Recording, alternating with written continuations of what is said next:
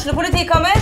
Ine Jansen er purk. Er du purk? The motherfucking bitch. Alt jeg vil, er å finne ut hva som skjedde med mannen min. Jon Carew. Er jeg sikta for noe? Iben Akeli. Det er du. Ole So, Lars Berrum og Big Daddy Karsten. Hvem sin side er du på, egentlig? Anette Hoff, Tone Danielsen, Kommer du fra Afrika? Jørnis Josef, Nesten. Kløfta. Trond Espen Seim, Det er synd å si det, men det var feil mann som døde. Purk. Premiere tirsdag på TV2 Play.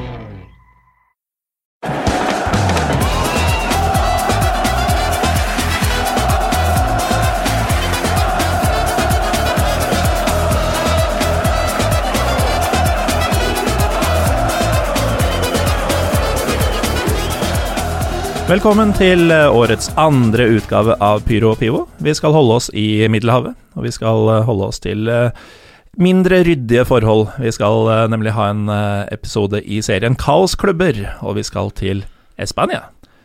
Nærmere bestemt Malaga, og der har du vært før, Fredrik Alnes. Det har jeg, og vært der mange ganger. Ofte positive opplevelser, men i det siste mindre positivt. Du er en av hva skal vi si, eh, lederne, pådriverne for eh, den norske uoffisielle supporterklubben til eh, Malaga, nemlig Malaga de Norvega. Ja, stemmer. Er det svære greier, eller? Nei, altså det vil jeg ikke si, men vi, vi holder da på.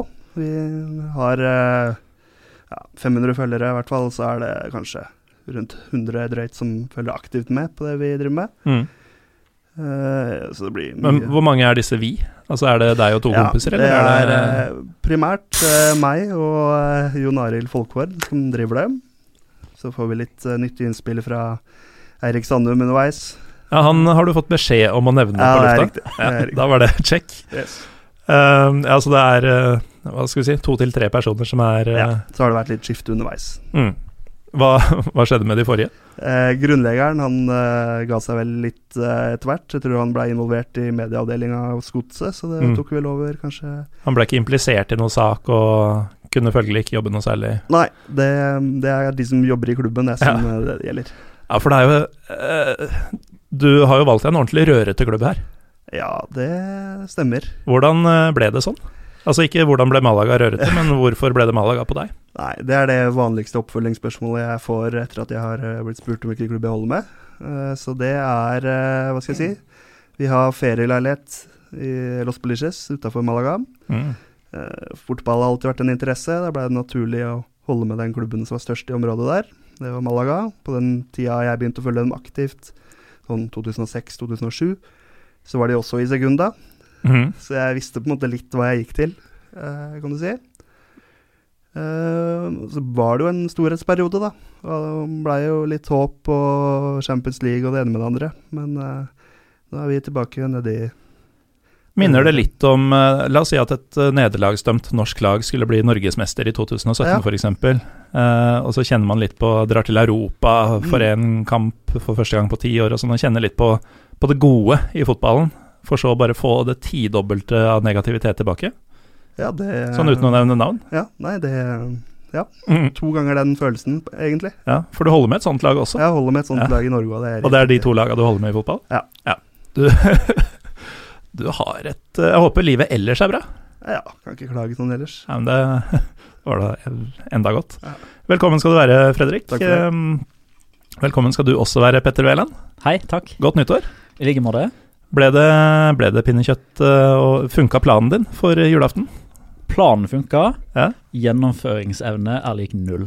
Å? Hva hva Nei, jeg endte opp med å få for dårlig tid. Å ja. Flink til å utsette ting. Mm. Så hvordan endte Måtte du spise ribbe? Uh, ja, det Ja, måtte, altså måtte og måtte. Altså, det er jo ikke sånn at uh, Altså, junior hjemme i dag, han måtte spise sukkererter. Mm. Eh, det er ikke sånn at jeg måtte spise ribba. Det er godt, det, men jeg hadde foretrukket pinnekjøtt hvis jeg hadde kunne valgt. Det er ganske 2020 at man må si til barna sine Nei, du skal spise opp sukkerertene dine. Ja, det ble det i Det- dag. ja. Vanligvis er det sånn salat, men det funker ikke, så vi prøver Mm. noe nytt. Ja, spise opp brokkolien din eller gulroten din eller noe sånt, var det jeg fikk høre som barn. Nå Ja. er det sukkererter og kiafrø og sånn. Ja, Kia-frø, det vet jeg faktisk ikke hva er engang. Det kommer nok, eh, Petter. Ja. Du, du er jo kjernesund og skal eh, ut og jogge etter at vi er ferdige her. Da skal jeg jogge hjem eh, over. Mm. Ja. Kiafrø og, Kiafrø og hva heter det andre, quinoa og grønnkål, det er rett rundt hjørnet Ja. for din del. Det høres sånn ut. Hva syns du om at vi har en vaskeekte Malaga-fan i studio? Helt nydelig. Eh, og det er jo deilig å se at uh, man klarer å formidle det på en uh, god måte. For jeg tenker at hvis, hvis jeg skulle ha begynt å forfatte noe og holdt mine følgere oppdatert på situasjonen i Malaga, da tror jeg jeg hadde runda 300 000 tweets snart, istedenfor 200 000 tweets. Det er så mye som skjer der. Da er det veldig godt å ha noe som har stålkontroll. Ja, og det har du jo tilsynelatende, Fredrik. Fordi grunnen til at dette ble et tema, er at du eh, 7. januar, omtrent på denne tida av døgnet, uten at det har noe å si for lytterne, eh, begynte på en tweet-rekke. En såkalt uh, firkanttråd, som man eh, kaller det. Og den handler da om situasjonen i Malaga i disse dager. Ja, Og den, eh, den har blitt lang og lengre enn lang. og den kommer til å fortsette å bli enda lenger, tenker jeg. Så ja. Det tror jeg. Eh, Så det vi kan si med en gang, er at eh, dere bør gå rett inn og følge at Fredrik Aln eh, på Twitter hvis dere vil eh, vite mer om det vi skal snakke om i dag. For vi får nok ikke sagt alt du har skrevet i løpet av tida her. Nei, det tviler jeg på. Men uh, vi kan jo gå litt lenger tilbake til tid, da, hvor, uh, hvor kommer Malaga fra? Altså ikke geografisk, det er ganske selvforklarende, men hva slags klubb er dette? Nei, altså det er vel det typiske britiske sjøfolk. Kommer, tar med seg fotballen. Det blir etablert en klubb. Det var Malaga fotballklubb med bindestrek mellom fot og ball i 1904. Bindestrek? Ja. Det er nydelig. Ja, det, ja. Eh, så det var, eh, det var starten, 1904. Da var det mye sånn lokale kamper mot lag som ble etablert underveis. Eh, Derby-kamper, kan man kalle det, internt i byen. Mm. Ja, og så derfra så gikk det mange år. På, I 29-30-sesongen så var de med på å danne det som er Tercera-divisjon. Det hørtes eh, obskurt ut. Det er fjerdedivisjon. Ok. Ja. Det, Så- det er kanskje noe litt sånn what goes around comes around over Ja, akkurat det. For det, det er ikke umulig at de skal ned dit uh, om kort tid, men uh, Nei, det er riktig. det får vi ta senere. Pionerklubb kanskje ikke, men eh, de har da i hvert fall noe å gi til. Ja. Hvordan har det vært med titler og, og suksess opp igjennom? Nei, det er ingenting. Absolutt ingen. Eller det er én. Det er én tittel, og det er Inter Toto-cupen. De vant 2002. Inter Toto-cupen. Ja. Det er Eh, vel tre vinnere av Inter To- Inter Toto-cupen. eh, ja, det var nok det hvert år. Ja. Mm. Så hvor utrolig stort det kan sies å være, vet jeg ikke. Men eh, Nei, men da, uten at jeg kjenner runnet deres det året, så kan de fort ha slått sånn HB Torshavn og, og Ekeren fra Belgia og sånn på veien dit. det var litt bedre enn det, altså. Mm. Det, det var det. Jeg husker ikke om det var Leeds, blant annet. Så, Ja, det er ikke verst. så, så det var det var det man har å vise til av meritter, sånn sett. Og eh, trofeet Costa del Sol, som er klubbens eget trofé. som er omtrent like høyt som eh, Kanskje ikke deg, men som en eh, hva skal jeg si, eh, middelmådig høy nordmann, holdt jeg på å si. Mhm. Ja, det er veldig høyt. Uh, Petter, du, um, du jobber jo med Champions League mye. Men er det en liten del av deg som savner Inter Toto-cupen lite grann? Um, ja, altså mitt lag er jo Villarreal. De har òg vært i denne Inter Toto-cupen. Det var jo deres første eh, smak på Europa. Uh, og etter det så ble det jo ganske mye Uefa-cup og Europaliga og uh, Champions League. Men eh, ja, Inter, Inter Toto-cupen, den uh, den er vel sånn delvis på vei tilbake nå, med denne Europaliga B-varianten? Kanskje. Altså Euro- Kvalikkampene, de tidlige kvalikkampene til um, Europaligaen spesielt, og for så vidt Champions League også, det er mye rart i de første eh, rundene der. Ja. Det er jo det som ligner mest på Intertoto-cupen i dag, med at all verdens jallalag får lov å være med. Ja, det er jo der nivået ligger. Mm. Det var der det lå eh, med Intertoto, og det er der det kom til å ligge med denne nye eh, varianten. Ja, måtte du få rett i dine spådommer, Petter.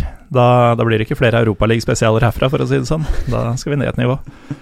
Men øhm, hvordan Har det liksom Klubben har eksistert i lang, lang tid, og så har det jo vært uh, rot og rør i omtrent hele vår levetid, vi tre som sitter her. Men uh, har det alltid vært kaos, Petter? Nei, det har ikke alltid vært kaos på den måten. Eh, altså Nå har ikke jeg eh, doktorgrad i Malaga CF sin fotballhistorie, men eh, man kan jo få en viss pekepinn ved å se at det har vært veldig mange navnebytter opp igjennom.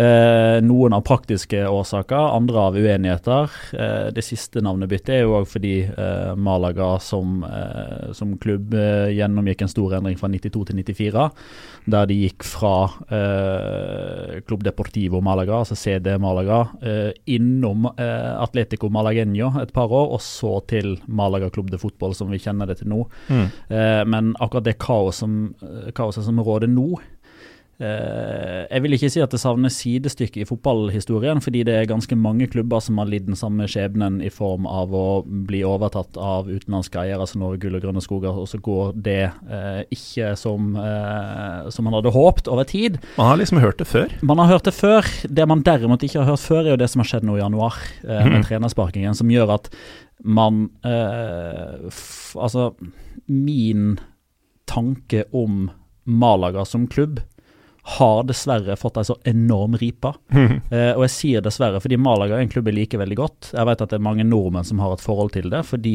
eh, Malaga ligger midt i Costa del Sol-stripa, der veldig mange nordmenn ferierer. Det var jo òg sånn det starta for Fredrik sin del. Mm. Eh, men samtidig så er det jo òg sånn at eh, de som eier klubben, eh, har jo òg ansvaret for hvordan klubbens rykte og renommé er. Og etter det som skjedde i januar, som vi skal litt nærmere inn på etterpå, fy f, altså.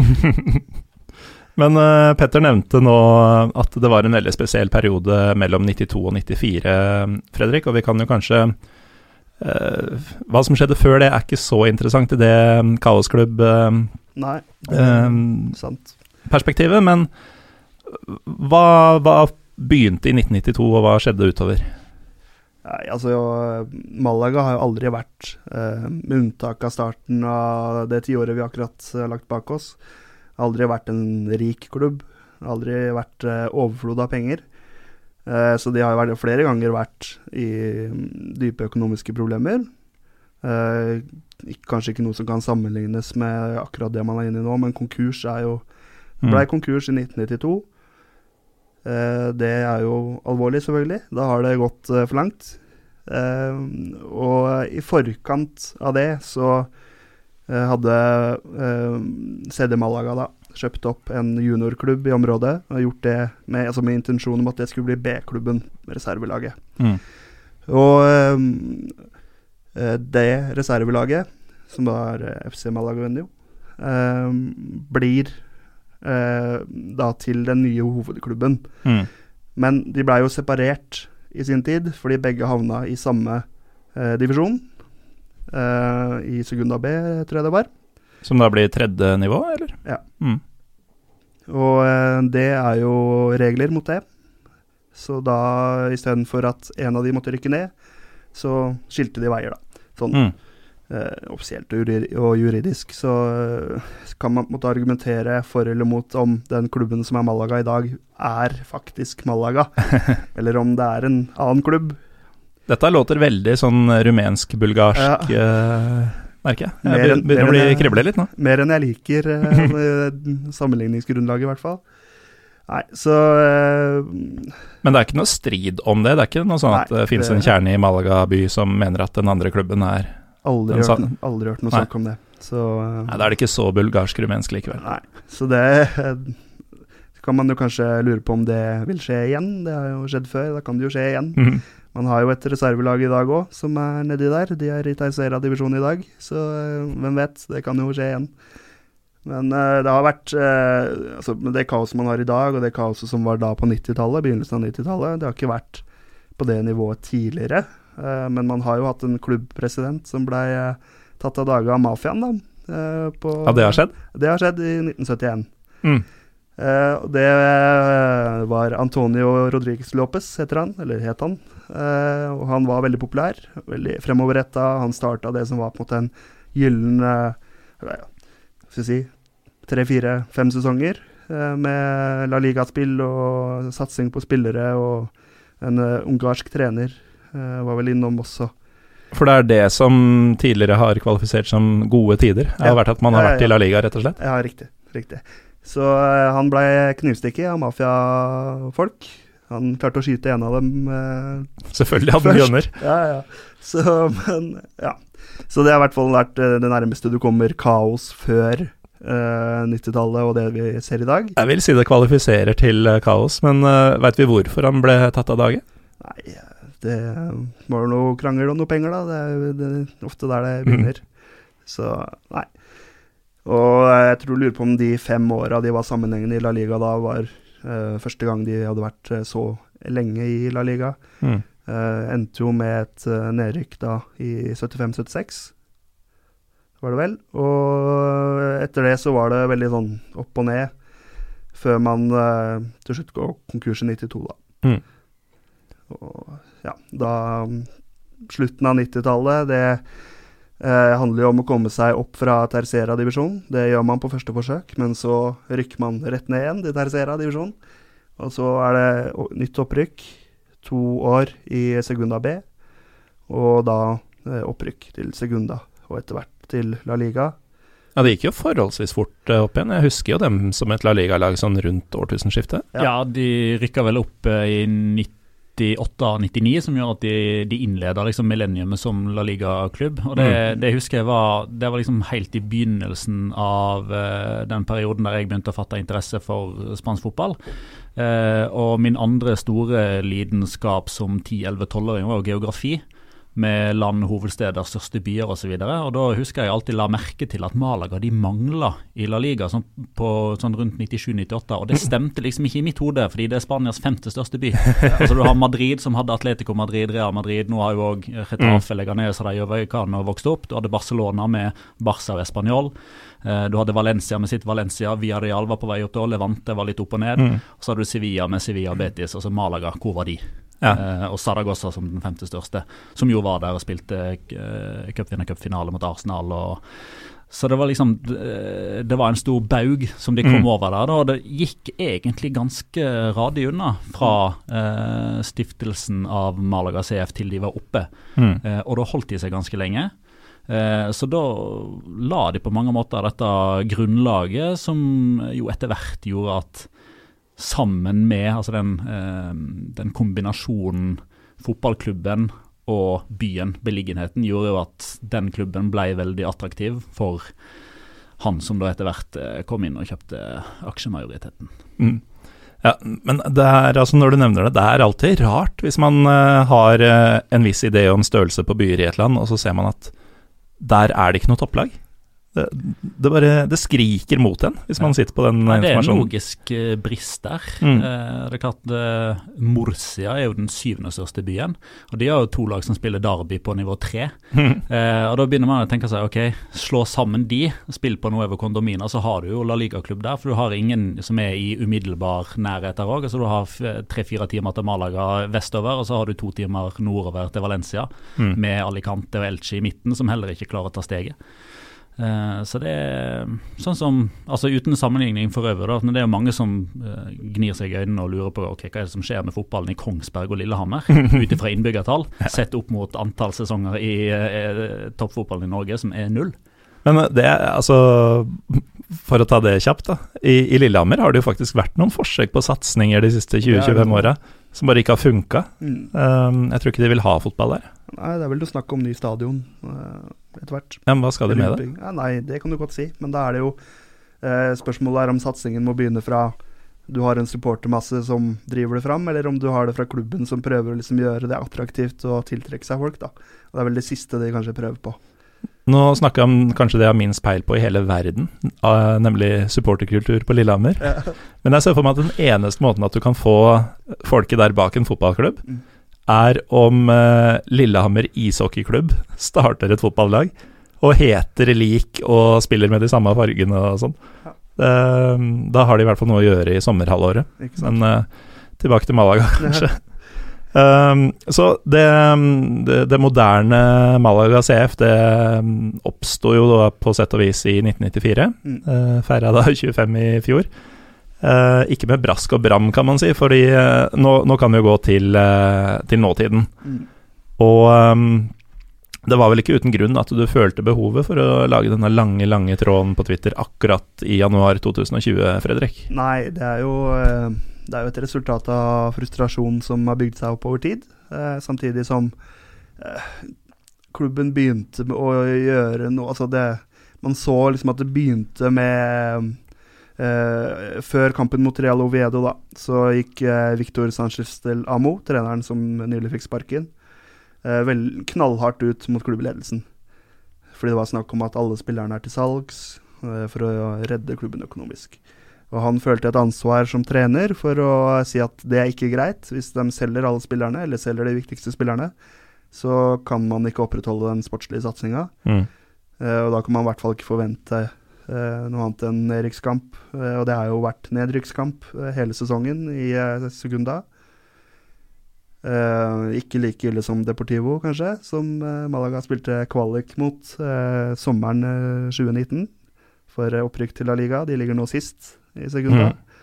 Så det er på en måte skjebnen de deler med Deportivo. Men uh, Mye fallende storheter eh, i eh, Eller eh, kjente klubbnavn, i hvert fall, uh, i Segunda nå, Petter? Ja, det er ganske mange tunge tall der, hvis du ser på antall av ligasesonger til de da 22 klubbene som spiller på nivå 2. Altså Du har Malaga, du har Deportivo, som Fredrik eh, nevner. Det er jo òg to eh, tunge klubber i Champions League-sammenheng, hvis Mm. man tar enkeltsesonger. Eh, Real Saragossa er der, Sporting Rijon er der, Elche er der. Altså Det er en eh, det er ganske topptung eh, med Mm. tanke på størrelse på klubb eh, på nivå 2. Saragossa slo vel Arsenal i en Uefa-cupfinale på 90-tallet? Ja, Naim fra eh, nesten ute ved sidelinja ved midtbanen der. David Simen satt og svømte i mål etterpå. Den gamle Tottenham-spilleren, til og med. Det var det òg. Og det, det er jo litt sånn egentlig historien om 2010-tallet i spansk fotball uh, i skyggen av de store. Altså Der har jo Real Madrid, Barcelona, Atletico Madrid, uh, til dels Sevilla stjålet alle overskrifter pga. den uh, ja, rent bordtendensen de har hatt i Europa. Mm. Men bak der så har det skjedd veldig mye med at fallende storheter har falt igjennom. Eh, Veldig mye pga. økonomisk uro. Og det har gjort at det har vokst opp en ansamling med i hermetegn små klubber som har kommet seg opp i La Liga for første gang. Girona, Uesca, eh, Leganes, Eibar. Og det er klart Når de skal opp, så må jo nødvendigvis noen ned. Eh, og så var det egentlig en trend som starta eh, på andre halvdel av 2000-tallet, altså rundt 2006-2007. Da begynte det derre eh, De er for gode til å rykke ned, men de rykker ned allikevel-syndromet. Mm. Betis, Saragossa, Villarreal. Eh, så det har vært en sånn eh, en veldig stor utskiftning i La Liga. Eh, I løpet av 2010-tallet så var det 31 forskjellige klubber der oppe. Eh, kun sju klubber som klarte å spille hele tiåret i La Liga. Så det er en voldsom utskiftning der. Og, og så kan, kan man jo sikkert eh, debattere herfra og til eh, Spania om det er Malaga eller Deportivo som har hatt det største fallet dette millenniet. Eh, men så, bare for å sette standarden, da, altså Malaga starta jo millenniet ved å være en ny La Liga-klubb med masse entusiasme, og de holdt seg i La Liga i sju-åtte år før de eh, måtte en liten svipptur om sekunder. De starta 2010-tallet med ny eier Manuel, Manuel Pellegrini inn. Masse store stjerner som kom inn. De kvalifiserte til Champions League. Og så starta de 2020-tallet eh, så vidt med hodet over vannet i Segunda med en eh, trenersparking som ikke ligner grisen, og økonomisk forfall av en annen verden. Hvor vondt er det å høre på denne reisen de siste ti årene, Fredrik? Nei, altså det gjør veldig veldig vondt. Det må jeg innrømme. Eh, og det, det var ti år de var sammenhengende i La Liga. Eh, De feira tiårsjubileum.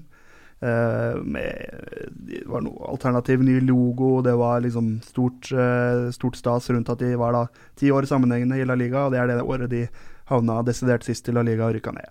Så det er litt sånn typisk. Eh, ja. Så har jeg jo prøvd å forberede meg til i dag, og da må jeg gå gjennom historien. Og det også vondt. Og så hørte jeg den forrige episoden av La Liga, La Liga Loca. Det også gjorde jo litt vondt. Så sånn er det nå en gang å være fotballsupporter, da. Ja, men du, du hører jo på La Liga Loca med vilje, Det, det er klart. ja, så du kan jo ikke klage på Nei, Petter og gutta for at de heller litt grann salt i såret ditt. nei da, det, det, det er sant. Trenger ikke å snakke om Malaga. Petter ser veldig tilfreds ut nå, forresten. Nei, men vi må få opp igjen Malaga. Ja, det, Det kommer nok til å ta litt tid. Men ja, det, det kan nok være lettere sagt enn gjort. Um, I denne tråden sin, uh, Petter, så skriver Fredrik at um, januar 2020 sannsynligvis er den viktigste måneden i klubbhistorien siden gjenoppståelsen i 94. Uh, hvorfor det? Nei, det, det, er jo fordi nå skal veldig mye jeg, det, det, er noen beslutninger som skal tas, først og fremst, eh, som Fredrik var inne på. Uh, hele spillerstallen er per definisjon til salgs. Og For å ta det først, så er jo det veldig dårlige forhandlingskort i eventuelle forhandlinger med klubber som er interessert i spillerne. Altså Du vet at alle er til salgs. Ja, vi må bli kvitt dem, egentlig. Ja, vær så god, her er de. Hvor mye kan vi få? Det er sjelden et godt utgangspunkt for å gjøre gode dealer. Eh, og litt sånn eh, Om det er ironisk, det vet jeg ikke. Men, men alt dette her henger jo eh, på sett og vis sammen med suksesshistorien som gjorde at Malaga kvalifiserte seg til Champions League. For dette her er jo egentlig en sånn ond sirkel som de rett og slett ikke evner å komme seg ut av. Eh, dels pga. inkompetanse, dels pga. at eieren er både sta og sky for Altså han tar ikke imot kritikk i det hele tatt. Eh, det er null eh, Altså han kan ikke se seg selv i speilet og se at han har tatt feil.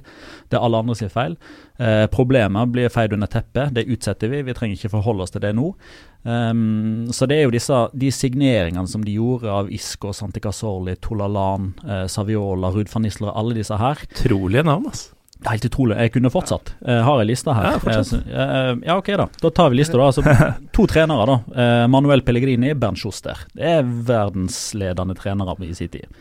Uh, Martin de Michelis, Salomon Rondon, Julio Baptista, Nacho Monreal, Joris Matheisen, spilte VM-finale i 2010, Santi Casorla, Isco, Jeremy Tolalan, Joaquin, Ruud van Nistelrooy, Willy Caballero, Javier Saviola, Diego Lugano. Lugano også? Ja, ja, ja. Han er jo min store favoritt. Og Rocke Santa Cruz. Hmm.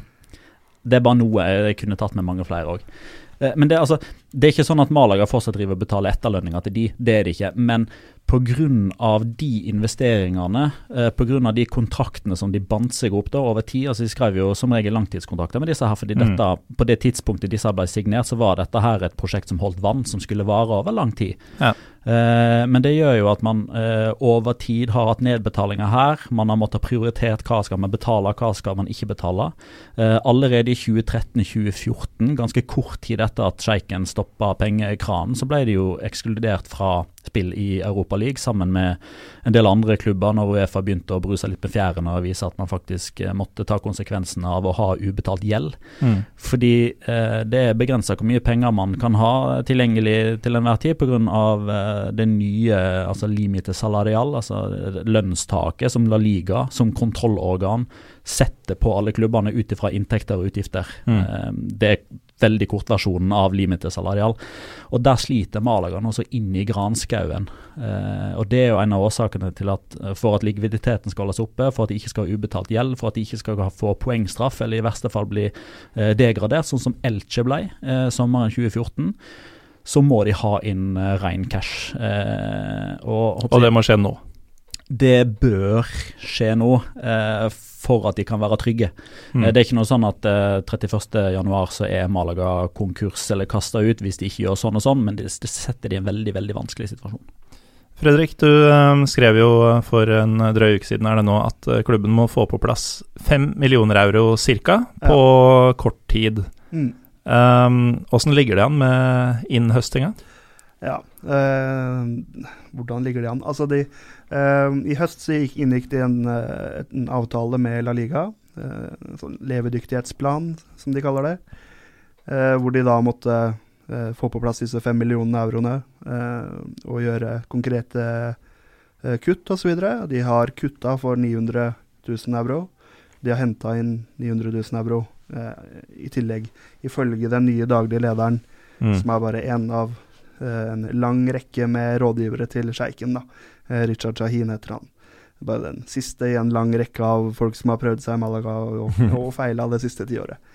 Uh, så det, det, Man er jo et stykke unna. Uh, nå vet jeg ikke Nå er det usikkert om det at de har kutta 900 000 uh, går inn i det regnskapet på de fem millionene euroene, eller om de da der, er at de må ha inn fem millioner euro. Mm. Og det er grunnen til at hele stallen er til salgs, da. Og i dag så uh, ser det ut til at det, det, siste talentet til å komme opp fra reservelaget, Antonin, går til Getafe uh, for alt fra 1,5 millioner til 3 millioner euro. Det, avisen er veldig uenig. Eh, han har ut, eh, klausul på 3 millioner. Hvor sannsynlig er det at de får tre mil for denne spilleren, eh, Petter? Nei, igjen da, de sitter jo ikke med gode forhandlingskort. Eh, altså Det er jo litt sånn eh, du, du må selge leiligheten din før eh, 14.2. Mm. Eh, oi, det var valentinsdagen, det. Hvorfor poppa den opp i hodet mitt? Nei, du er jo en gift mann, så kanskje du har noen planer eh. Jeg bør jo få med noen planer nå, iallfall. eh, nei, men som sagt, sitter med fryktelig dårlig kort på hånda. Altså, i utgangspunktet, eh, hvis Malaga hadde vært en sunn eh, klubb med normal økonomi, så hadde jo de sagt til Retafe når de henvendte seg angående Antonin eh, Ja, flott, han har en klausul på tre millioner. Betal det, eller hold dere til helvete unna. Mm. Det er altså enten langfingeren eller tommel opp. Eh, det kan de ikke nå. Nei. Og da blir det gjerne sånn Ja, men da Ja, men vi kan by 1,5. Ja, dere, Eh. dere ligger eh, der dere ligger i den divisjonen dere er. Eh, Dere dere er i den situasjonen dere er. Ja. Dette er en ganske bra pris for han fyren her. Det er ikke en ganske bra pris for han, syns jeg, da. Men uh, Nei, men det syns nok de kjøpende klubbene. Ja da, men uh, de påstår jo selv, klubben, at uh, de kommer ikke til å godta skambud på spillerne sine. Det sier man jo alltid også, men det, det de sier og det de gjør, er to vidt forskjellige ting. Mm. Alltid vært. Så det er flere spillere som ryktes ut i dag. Keidi Barré er også en som har vært innom B-laget før han fikk debuten på A-laget. Han eh, Det kom et bud på en halv million. Eh, det syns jeg også er altfor lavt, Det hadde jo aldri verden kommet hvis Malagans situasjon Nei. var normal. Nei. Nei. Og Mikkel Villanueva har også et bud på 350 000. Eh, han har jo Han har vært et langtidsprosjekt i Malaga. Han ble henta fra Venezuela, eh, fast på landslaget mer eller mindre der. Eh, men ikke spilt veldig mye i Malaga før han nå plutselig måtte begynne å steppe inn som venstreback, fordi man har ikke noen venstreback. Eh, og da har det blitt spilletid på han, og da har plutselig folk sett at han kan jo gjøre en grei jobb, så vi henter han, selvfølgelig. Men med de inntektene som har kommet, altså 900 000 inn, eh, et kutt på 900 000 som kanskje betyr at man har da 1,8 eh, Avhengig av hvordan eksterne krefter ser dette. Mm. Eh, hvis man da faktisk får solgt denne Antonin for eh, tre mil, Ja. Så virker man jo å være ganske nær eh, disse fem millionene, da. Men om de så når dette, Mm. hva, hva skjer videre? Det, det er jo ikke gull og grønne skoger da heller. Nei da. Eh, det er jo snakk nå om at man har ikke penger til å betale lønn eh, ut eh, mer enn maks februar. Det vil jo kanskje endres på hvis man får solgt noen spillere nå, og det er sannsynlig, da. Eh, men det er, jo, det er jo langt fra bare han og eventuelt Keide Barré som skal ut. Det er eh, interesse for de beste spillerne, Mm. eh, naturlig nok. Uh, ikke skjønner jeg hva man vil med spillere som spiller i Malaga, for de har jo ikke prestert uh, nevneverdig. Men uh, det, enkeltspillere er jo fremdeles gode, selv om laget gjør det dårlig. Mm. Kan være, i hvert fall. Så hva man gjør etter det det er, man, det, er jo, det er jo ikke transparent i den klubben i det hele tatt. Man, man vet jo ikke hva som skjer internt i klubben, og samtlige som jobber i den klubben, eh, har jo fått munnkurv og er livredde for å miste jobben hvis de sier noe som helst Mm. som, uh, om noe som helst.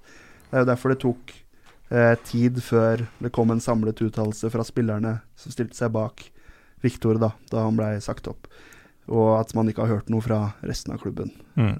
De tør rett og slett ikke, da. Og så er det jo det, altså akkurat For å ta Antonin som eksempel, så går jo det litt på sjela og stoltheten til de som klubben faktisk er avhengig av til syvende og sist. og Det er de som bor i Malaga, det er de som går på kamp, de som heier på Malaga. For han er lokal.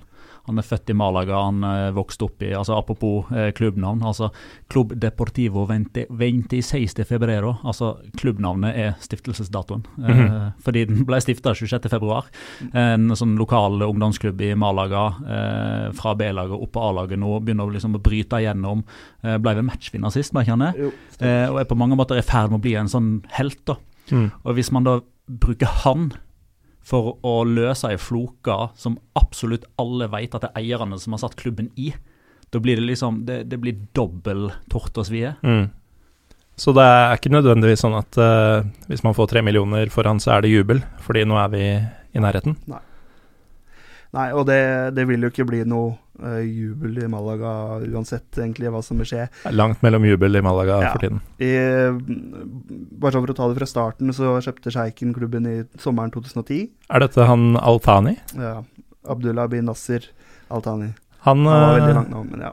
Følger han deg på Twitter, eller?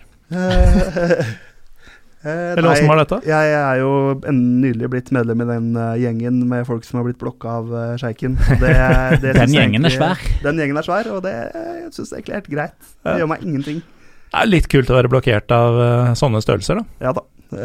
Da veit man at man har irritert den nok til at han har Mhm. giddet å trykke på den knappen, i hvert fall. Så det er bra. Da han kjøper klubben, eh, 36 millioner euro i 2010, da kontrollerer han 97 av klubbaksjene, og det er litt eh, vesentlig, da. Eh, 3% er det minoritetsaksjonærer som eier, som er en egen gruppe. Eh, og så i 2013 så eh, Og det er jo en rettssak gående om det her, da. Så kjøpte, eller ble det avtalt at Blue Bay, hotell, en hotellkjede, skulle ha 49% av aksjene.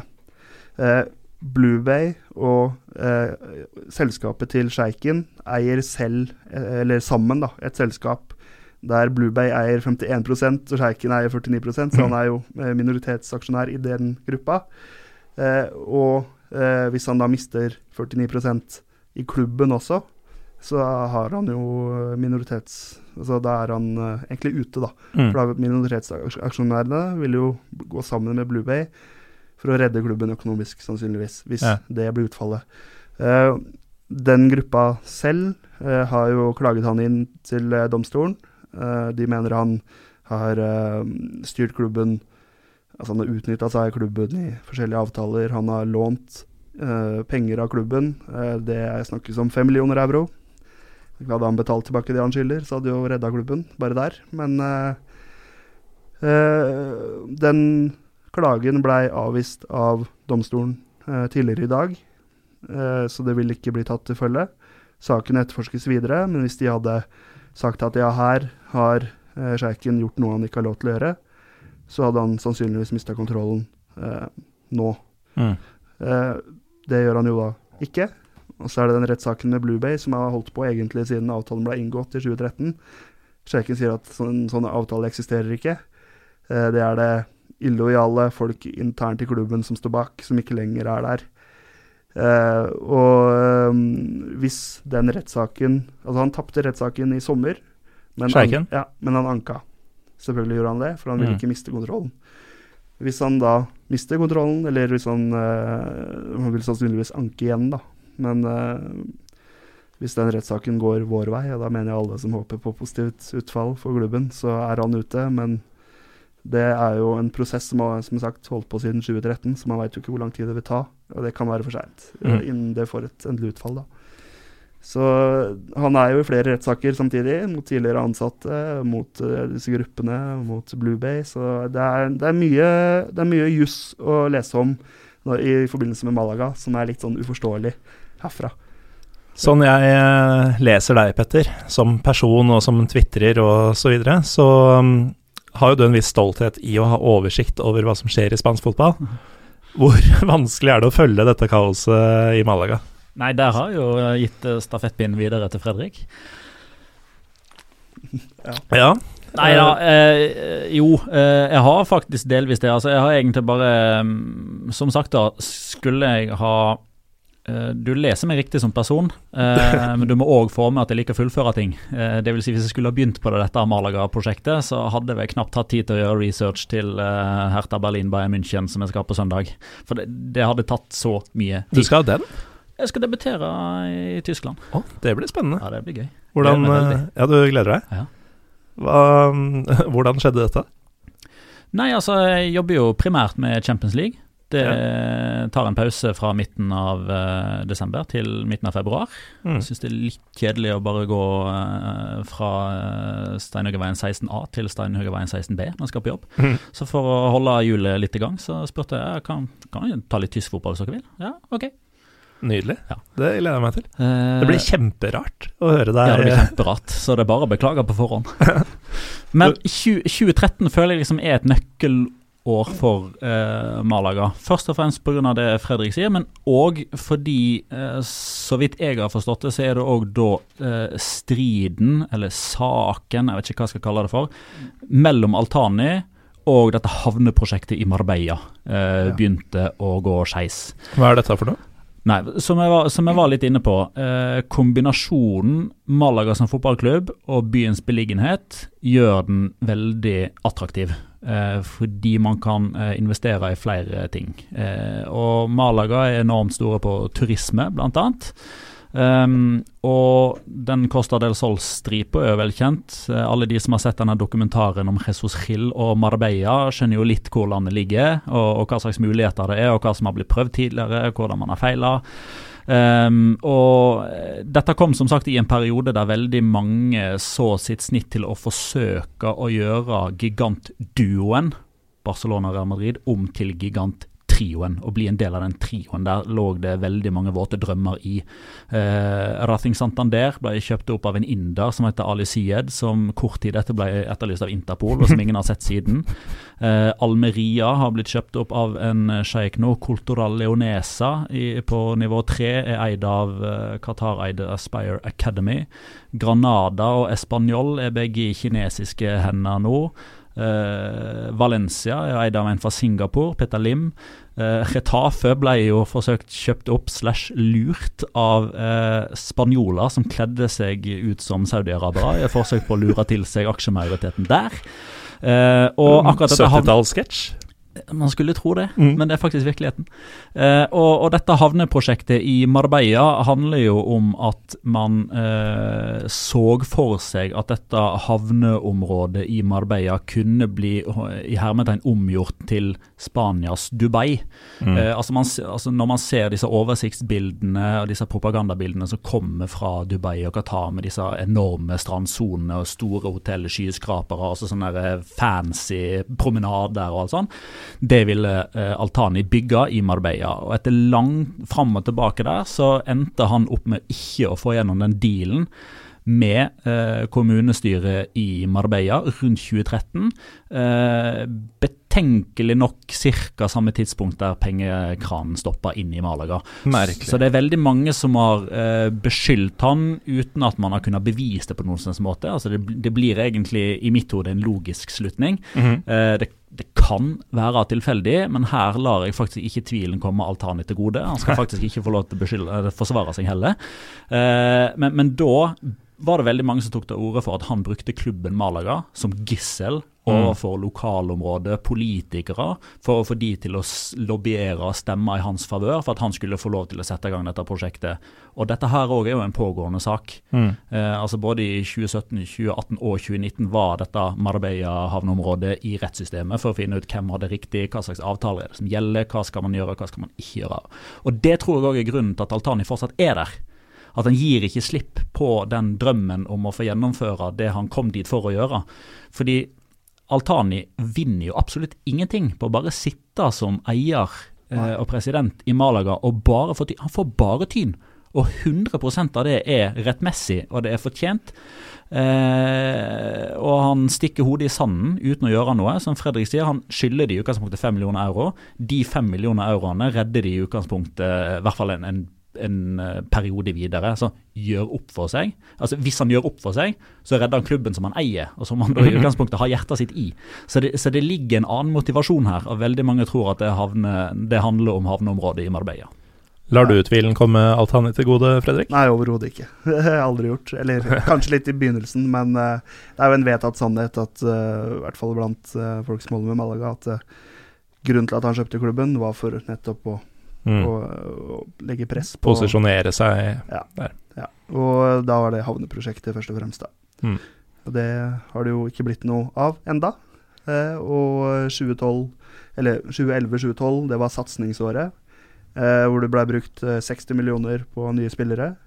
Eh, Santi Casola som den store eh, klubbrekorden på 21 eller noe sånt millioner. Visste du at Petter hater Santi Casola? Ja, det Nei, så eh, vi har altså Som eh, malagista så har jeg et anstrengt forhold til Villarreal, det må jeg si. For eh, på, det Er det en beef der? Nei, det er litt på godt og vondt. Altså, det begynte jo med at vi henter Casola, og de får Edu Ramos i, tilbake. En Takk. Spiller, ja, ja. trenger ikke å si noe mer om han. Og det blir på en måte gjengjeldt seinere ved at de henter fire av klubbens egenproduserte talenter. Eh, Samu eh, Jeg kaller ham bare Samu, eh, Samu i Samu.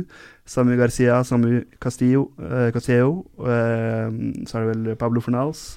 Og senest Ontiveros. Ontiveros. Ja. Og de betalte jo i og for seg greit, men ja, det gjør vondt Men det er ikke greit for det. Nei, det er ikke greit, altså.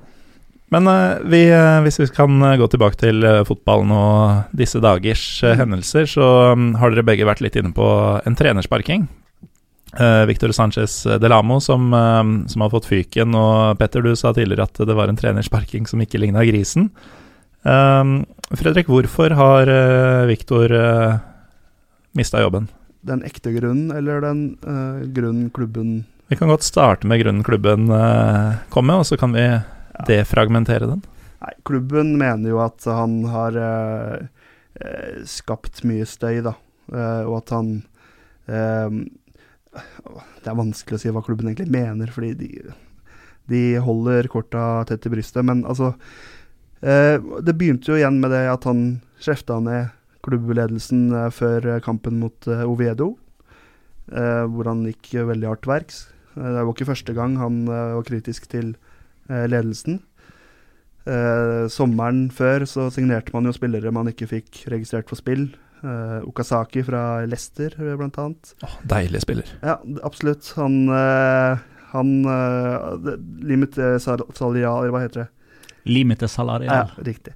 Eh, det går jo på at man ikke kan bruke Altså det er 80 000 euro som er grensa for Malaga, i hvert fall, når de har økonomiske problemer Mm. i året. Han hadde jo en høyere kontrakt enn det forrige klubben han var i, Leicester. Da sier reglene at da kan du ikke spille for 80 000.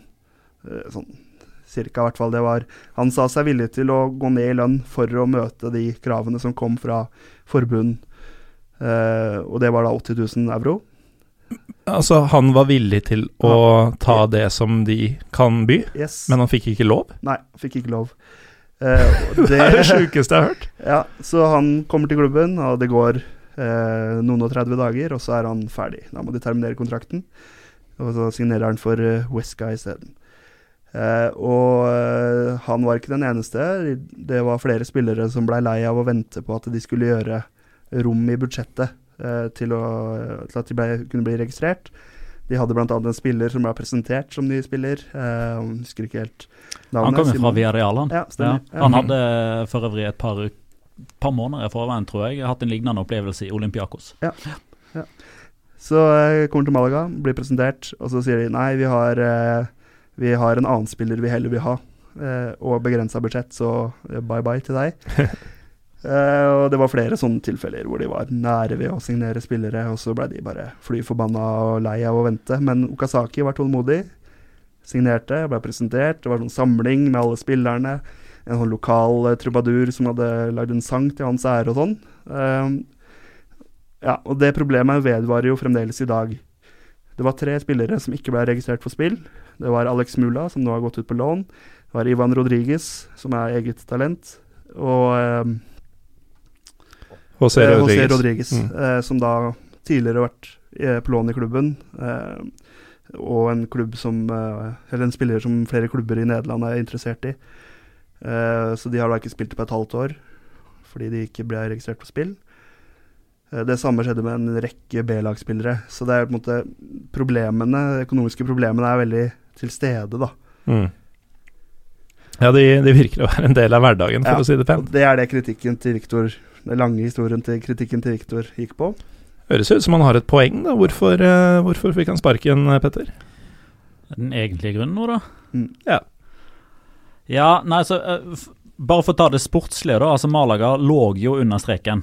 Eh, har nå kommet seg over. Så hvis man eh, ikke har satt seg inn i situasjonen, ser på tabellen, ser navnet til Malaga ligge der nede og eh, leser treneren for fyken, Reagerer så reagerer man ikke. Eh, jeg, da hadde, vel, hadde man vel heller kanskje tenkt ok, hvorfor venta de så lenge? Mm. Eh, men de var jo Altså, han fikk jo fyken vel i det som er den beste sportslige perioden. Altså Nå er de jo inne i en periode der de har sju kamper på rad uten tap. Mm. Riktignok en del uavgjort som gjør at eh, det begrenser hvor mye man klatrer på tabellen, men nå har man fått en liten klaring. Man har fått en pustepause. Ja, det å slutte å tape kamper gjør jo underverker også. Det gjør det. Eh, og hovedgrunnen til det sier mange at det, er Victor Sanchez som har klart å være, liksom, være den samlende kraften da, som gjør at spillerne fokuserer på det sportslige og ikke alt annet. Eh, fordi jeg vil se for meg at det er veldig vanskelig vanskelig å være Malaga-spiller med alt som skjer. Alt man leser, alt man hører, alt man ikke får lov til å si.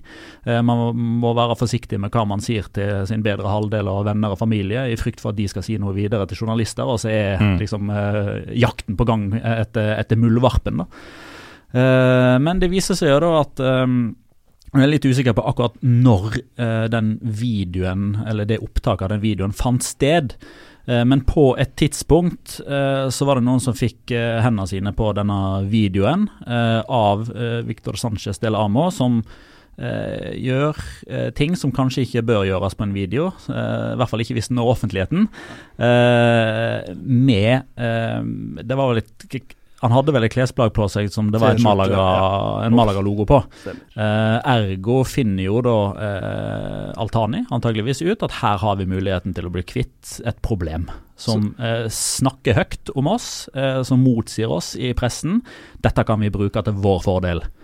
Eh, og Det viser seg jo da at dette her er en, eh, en utpressingssituasjon, der noen kriminelle da truer Victor Sanchez del Amo eh, med å publisere denne videoen, hvis de ikke får eh, lurer på om det var 20 000 euro. 20 000 euro. Eh, det krevde de. Hvis ikke så kom, kom, de til å publisere denne videoen i sosiale medier. Eh, Victor Sanchez del Amo nekter å betale, han blir ikke med på dette her. Han politianmelder det. Og Det som hadde vært det naturlige i en sivilisert klubb, er at de stiller seg bak treneren. Mm. og eh, Eh, kommer med pressemeldinger om at dette er ikke de med på. De støtter treneren sin 100% De backer politiet. De håper vedkommende blir tatt og får den straffen han fortjener. Men i stedet for så bare skyver de han foran seg. De gjør han til problemet, setter seg sjøl i skyggen. Eh, prøver å unngå søkelyset. Og så tar de den feigeste beslutningen i bortimot klubbens historie med at de gir mannen fyken. Og, og, og Når man ikke tror at man kan være mer sånn nedrig overfor en person, så gir man han fyken uten engang å spørre om det går bra med han, eller om han trenger hjelp juridisk, personlig. Hvordan går det med deg, hvordan går det med familien? Bare Ingenting. ut. Rett ut. Rett ut. Når, eh, når Petter sier at um, Viktor gjør um, ting han kanskje ikke skal gjøre i offentlighet, uh, Fredrik, og sier at han har på seg en Malaga-T-skjorte mens han gjør det. Mm. Uh, har han på seg mer enn en Malaga-T-skjorte? Jeg vet jeg ikke. Hva, hva, er det han skal ha gjort? Uh, nei, altså jeg, jeg, har ikke sett Jeg har sett starten av videoen. Det holdt for min del. nei, altså det er vel at han viser underlivet, rett og slett. Mm. ser at han fikler med kamera, setter det opp. Eh, og på en måte der slutter min uh, opplevelse av det, kan du si. Altså, ja, det, ja. det greide seg. Ja, uh, og, og, han har jo vært et problem for klubben fordi han har vært uttrykt misnøye med avgjørelser. Mm. Altså Da han kom inn, han erstatta en gammel klubbfyr da som hadde vært trener tre ganger og assistent én gang. Juan Ramón Muniz. Uh, som uh, står for uh, destruktiv drittfotball som overhodet ikke gir noen glede i det hele tatt. Altså, det er noe for pengene. altså, men det er, så, det er, så, kjedelig å se på den fotballen han står bak. Altså, det var på 34 runder. Han ble sparka i den 34. runden forrige sesong. Så hadde de skåret 34 mål. veldig dårlig.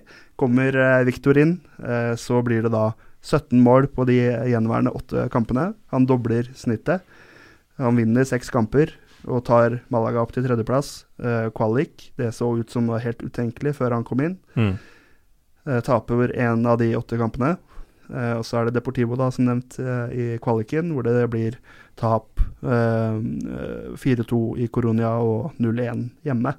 Og kanskje det sterkeste øyeblikket i klubbhistorien på veldig lenge, hvor alle spillerne står på rekke og rad med hele trenerapparatet og Viktor og uh, foran en vegg av supportere, uh, Fondosur, da, som er den samlede eh, bevegelsen av supportere Mm. som står og synger for dem, og synger at vi skal tilbake, og vi støtter dere, og vi står bak dere, istedenfor å vise misnøye og kaste uh, røykbomber på banen osv., Mm. som man har sett andre steder. Så er det jo Det er jo ikke bare supporterne som har stilt seg bak Viktor i, i Nei denne da. situasjonen. Det er jo altså Det er jo kommentatorer og, og presse og Idrettsutøvere, og det er ja, Og til og med vel presidenten i Fotballforbundet. Ja, og han har tilbudt han jobb. Han sier ja, 'trenger du en jobb, så kommer du hit, så får du jobb'. Eh, det gjelder også trenerteamet ditt. For da han eh, forsvant, så tok han med seg trenerteamet sitt. Eh, så Malaga står jo på en måte litt ribba igjen på trenersida også. Eh, har eh, tidligere assistent, eller tidligere B-lagstrener eh, Sergio Pelletier, som nå eh, trener klubben. Midlertidig, i hvert fall. Vant første kampen eh, på tirsdag. Det kan jo være tilfeldig, eller Mhm. man vet jo aldri. Eh, ja, men i hvert fall Viktor, han ble jo da utsatt for et lovbrudd. Eh, og det normale, som Petter var innom, det er jo å stille seg bak noen som blir utsatt for noe sånt. Men eh, klubben tenkte politikk med en gang. Her har vi muligheten til å kvitte oss med, med treneren. Eh, og han fikk da eh, først beskjed eh, på WhatsApp som mange klubber bruker jo den til intern kommunikasjon, men det var der han fikk beskjed om at du er suspendert. Via da daglig leder Shahin. Eh, ekstremt uprofesjonelt, spør du meg. Ja. Man Kall i hvert fall vedkommende inn på et møte ansikt til ansikt, da. Eh, og ikke nok med det, han fikk også beskjed om at du er ikke ønska på La Rosaleda. Du fikk lov til å komme inn på kontoret ditt, du fikk lov til å snakke med noen i klubben, du får ikke lov til å snakke med trenerteamet ditt. Du må holde deg langt unna. Eh, også veldig uprofesjonelt. Eh, og så gikk det da litt tid. All den støtten begynner å eh, komme inn. Han, eh, altså supporterne eh, samler seg for sånn demonstrasjon utenfor stadion. De møter opp utafor hotellet han bor på. Eh, han, eh, han kommer da gående fra en restaurant og anerkjenner at de står der, men vil ikke si noe. Eh, så har han jo holdt pressekonferanse da i går, hvor han har utdypa hva han mener om det. Han er totalt uenig i hvordan klubben har håndtert saken, naturligvis. Mm. Og han sa at på et tidspunkt så blei det så mye um, Det blei så mye, da, at han sa seg villig til å Greit, da kan dere lønne meg for den perioden jeg har vært trener, og så sier vi ferdig med det. Da fratrer jeg, eh, fratrer jeg stillingen. Så kommer klubben med et tilbud hvor de sier vi gidder ikke å lønne deg for hele perioden, så eh, du må ta til takke med mindre penger enn du har krav på. Det er jo ikke greit. Og da snur Viktor og sier ja, men da møter jeg opp på trening igjen. Jeg har lyst til å lede laget videre. Og, Sånn Kjetil Rekdal-variant. ja, det kan du godt si. Eh, og da får han beskjed om at nei, du har sparken med en gang. Eh, Så han var ønsket med videre av jeg drister meg til å si samtlige Malaga-supportere. Mm. Og uh, alle i, i og rundt klubben, unntaket da klubbledelsen. Så det er jo et uh, Det er det mørkeste kapitlet i klubbhistorien på veldig lenge. Det er helt drøyt. Fondo Sur, som du nevnte tidligere, de um, uh, sa at de skulle boikotte førsteomgangen Ja. av eh, kampen etter, eh, etter sparkinga. Mm. Hvordan eh, ble det? Eh, det gjorde de vel. Da var jeg på Kanarifansen-møte, så det Ja. er noen uh, lite hint om Hører at han som leda det møtet, var amatør. Eh, mm, ja, kanskje. Vet ikke. Det får du nesten si, si best sjøl. Ja, nei, han, eh, han var ikke noe dyktig. Men, uh, Men jo da, det, de holdt eh, ut i hvert fall til eh, i hvert fall 40 minutters tid, tror jeg, eh, etter hva jeg så. Så eh, Men eh, det var jo ganske eh, ironisk, Petter. Altså, her har du en klubb som, eller i hvert fall en klubbledelse, som eh, bare kaster treneren sin foran toget og nærmest kjører toget selv. Eh, og så ber det da folk om å være respektfulle under, under neste kamp. Ehm, er disse riktige folk til å snakke om respekt? Nei, jeg syns jo ikke det. Det er jo eh, Det er jo dessverre et, eh, et godt, eventuelt dårlig eksempel på hvordan man ikke skal behandle mennesker. Det Malaga har gjort nå, viser jo igjen at det, det som betyr noe der, er politikk, makt, Mm. eh, penger. Det er liksom helt feil grunnverdier, eh, sammenligna med hva en klubb bør ha. Så det Nei, altså, jeg står for det jeg sa eh, tidligere i episoden med min karakteristikk av, det, av den trenersparkinga her. Altså, det mm, eh, jeg trodde liksom at man eh, Altså, nå, nå har det garantert skjedd verre ting enn eh, en, jeg, min, eh, eller mitt minne nummer to. Eh, Men det var jo òg litt sånn fra meg på fotballederes vegne da Marcelino måtte gå fra Valencia i begynnelsen av september. For det handler jo om alt annet enn det som er trenerens viktigste jobb, nemlig å eh, levere gode resultater på fotballbanen. For det har jo Marcelino åpenbart gjort. Men der var det maktkamp. Eh, det var uttalelser mot eieren som ikke tålte å få eh, kritikk i det offentlige lys. Eh, og da trodde jeg liksom at vi hadde sett det verste, i hvert fall på en stund. Eh, og så går det fire måneder, og så tar Malaga rennefart i nedoverbakke og bare knuser den. I, um, I jingeren til eh, La Liga Loca så er det en kvinnestemme som sier uh, 'en litt galere fotball'. Um, En litt gærnere fotball. Mm. Gærne, unnskyld. Ja. Um, jeg er litt sånn fin i språket, jeg vet Ja, fra Romerike alltid, greier. jeg har alltid oppfatta deg som sånn. Men uh, det at det har skjedd to sånne ting på såpass kort tid i, i spansk fotball, det, det er vel eh, kanskje et symptom på, hva, på, på hvorfor man kanskje skal følge godt med der. For det, Ja, det, er, det er jo underholdning for, eh, for den som ikke har hjerte i Malaga, stakkar. Ja, det er nærmest satire, da. Altså, det er jo mørkt. Det er veldig mørkt. Kølsvart humor. Ja, det er det. Eh, og det er klart at det, Igjen, da, for eh, og, og der merker jeg jo sjøl at jeg er litt, jeg er litt miljøskada. Eh, fordi altså Det er jo en grunn til at podkasten heter La Liga Loca. Det er fordi det, det er så mye gærent som skjer der. Det, Mm. det gjør det jo selvfølgelig andre steder òg, men for oss som følger den spanske fotballen, så, så blir det kanskje litt større fordi det er det vi følger med på. Eh, men det er klart at det, altså, jeg var litt innom det i stad òg, med, med Rassi Santander som lar seg kjøpe opp av en inder som kort tid senere bare fordufter eh, Mm. fordi han er ettersøkt av Interpol for økonomisk kriminalitet. Så det, det, er, eh, det er jo tegnefilm. Ja, ja, Det er jo ikke virkeligheten, dette. Ja, nei, vi var så vidt innom Retafe. Eh, president Angel Torres som er i møte, konkrete forhandlinger med folk som utgir seg for å være sjeiker fra Saudi-Arabia, som har kledd seg ut. Eh, altså det, jeg skal ikke si at de var så nærme at de bare var en signatur unna, men det var møte, det var drøftelsesprosesser, styret var involvert, det var et møte igjen. Eh, kontrakter var liksom i ferd med å bli utarbeidet når eh, denne skjemten da ble avslørt. Eh, og, og det er liksom bare det som skjer utenfor banen. Du har eh, barnehagekrigen mellom det spanske fotballforbundet og serieforen serieforeningen, med deres respektive presidenter. Luis Rubiales i det spanske fotballforbundet og Javier Tebas i La Liga, som forsøker å overgå hverandre i barnsligheter. Og de skal være uenige av prinsipp. Mm. Eh, hvis La Liga kan, inn, kan inngå en avtale eh, verdt 20 millioner euro hvis Tebas sier ja, så sier han nei, og får heller 10 millioner euro hvis Robiales mener at han skal si ja. Så ille er det.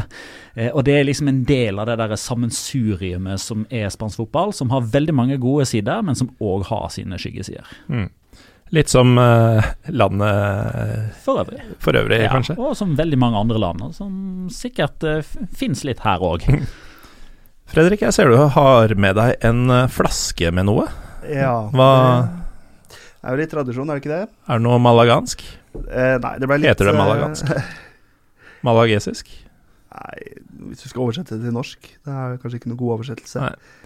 Malaguendia hvis du er fra Malaga, Malagista hvis du holder med Malaga.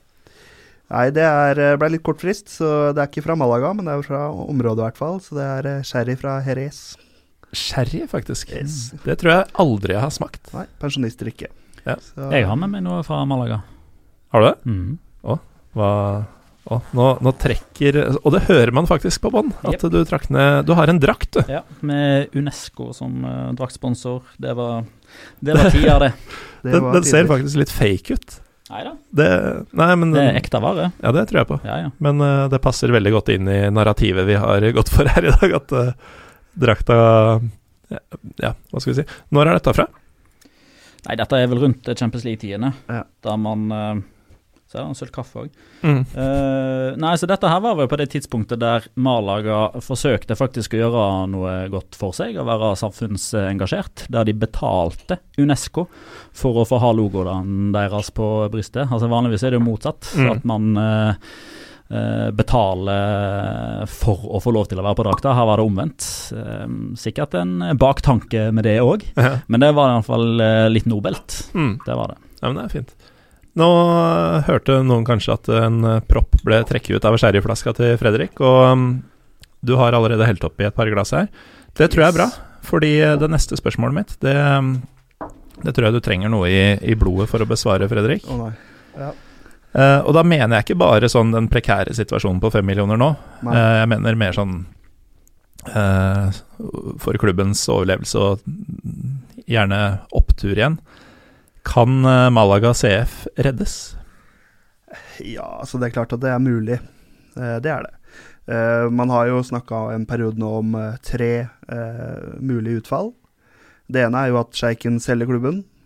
Det som vi har vært inne på, det er, virker usannsynlig. Så lenge, så lenge havnesituasjonen i Marbella er eh, uavklart, så, Yes. så blir vel han i klubben. Ja, og det var jo et forsøk fra eh, ordføreren i Malaga, eh, Francisco de la Torre. Eh, prøvde å få kontakt med familien til sjeiken og sjeiken sjøl i Qatar. Han er jo medlem av kongefamilien der, og det ble lagt litt press på Emin, eller kongen, da, for at han skulle gå med på å selge klubben. Og det var også en gruppe fra Qatar som sa seg interessert i å kjøpe hans andel av klubben. Mm. Eh, noe han da sa nei til. Han har også takka nei til eh, blant noen kinesere tidligere og sånn. Eh, unnskyldningen han bruker, at jeg har brukt 150 pluss millioner euro på klubben. Eh, det er ikke noe leketøy, det er ikke Jeg mener alvor. Ja, altså, det er klubben min. Jeg vil ikke eh, gi fra meg den. Eh, bare bullshit, selvfølgelig. Han eh, bruker den for alt den er verdt, men bryr seg ikke om fotballen. Eh, andre er jo at det kommer en rettslig utgang på det. Eh, at eh, en av alle de rettssakene han da er involvert i, faktisk dømmer til fordel for motstanderen. da, Og at han blir pressa ut på den måten. At han, får, mm. eh, at han blir minoritetsaksjonær, eventuelt om han blir faktisk utestengt. da.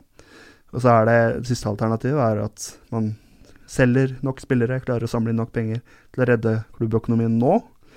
Men eh, det blir jo da på kort sikt. Man vet ikke om det, hva det betyr på lang sikt. Det, ja.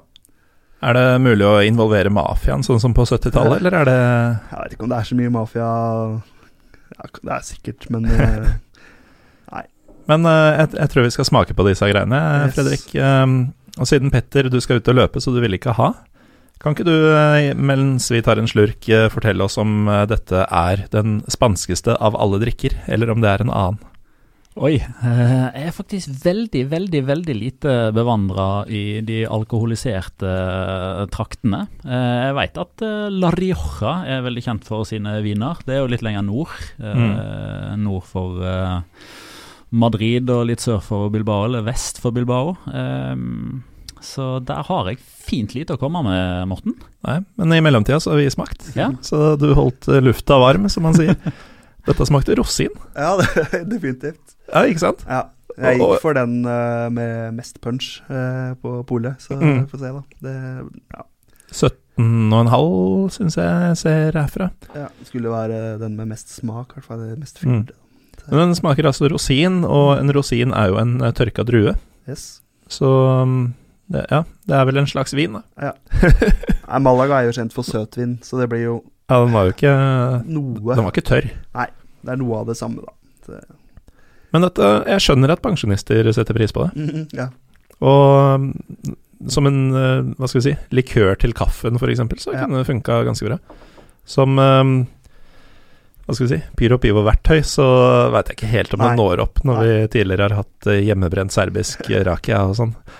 Um, men vi, uh, altså til tross for alt det mørke og fæle vi har snakka om i dag um, Petter, har du vært i Malaga, forresten? Ja, mange ganger. Mange ganger. Ja.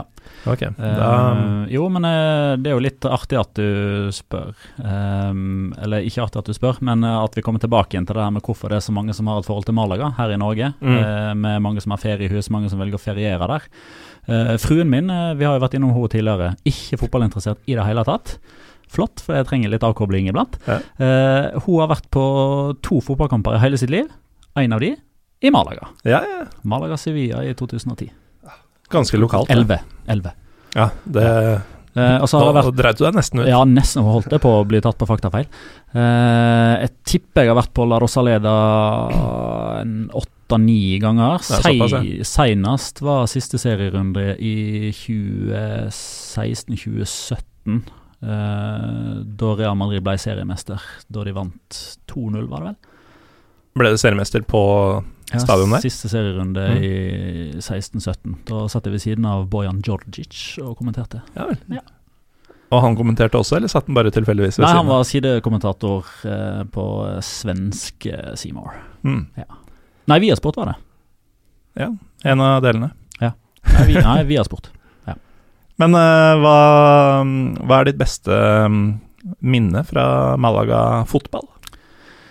Eh, det tror jeg faktisk blir eh, Det var vel enda litt tidligere den sesongen, eh, på vårparten der.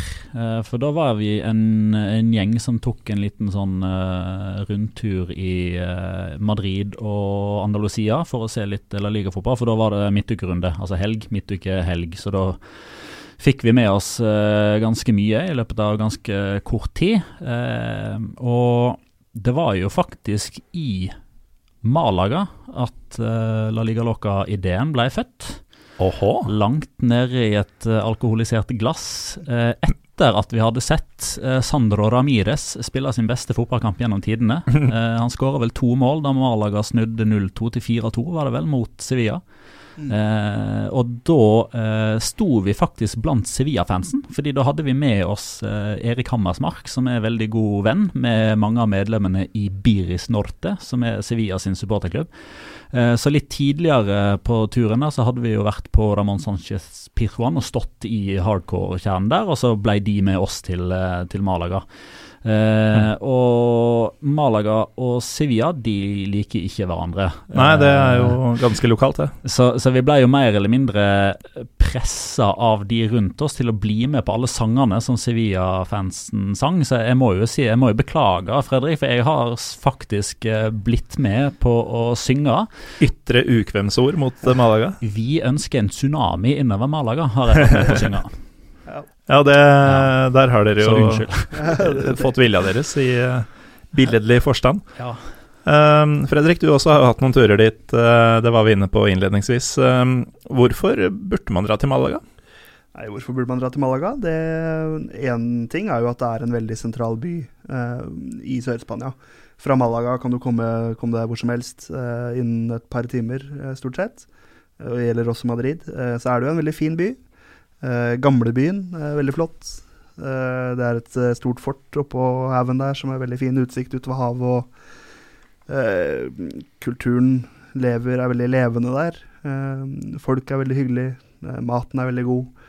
Det, fotballen kan man jo på en måte si mye om, men det, det er gøy å gå på kamp der. Supporterne er alltid, lager alltid liv.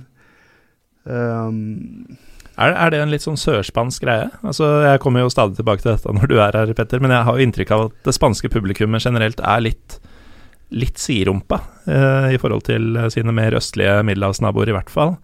Eh, men i sør, eh, Sevilla-derbyet og et par andre steder, så virker det som om det er litt mer trøkk enn det f.eks. er i eh, Madrid eller eh, Bilbao. Så det er jo litt mer lynne der, da. Eh, nå er ikke jeg noen sånn sosialantropologisk eh, gallionsfigur. I dag er du det. Ja, i dag sier jeg det, ok. Eh, altså, Malaga og Andalusia har jo tidligere vært en, en del av eh, Det var vel ikke det ottomanske riket, men eh, det var Maurerne var vel der? Ja, og bermerne, er det noe som heter det? Berberne? Berberne? Ja. Eh, og håper jeg, en av de største festivalene i, i Malaga, altså Feria de Malaga, er jo en, eh, fra gammelt av en feiring av at de kristne kom og løsreiv byen og eh, mange andre områder mm. fra eh, muslimene, eh, som jo hadde en, eh, en veldig stor eh, makt i det som man nå kjenner som Spania, altså mm. eh, den iberiske halvøy. Um, og også lynnet der, og måten man snakker på.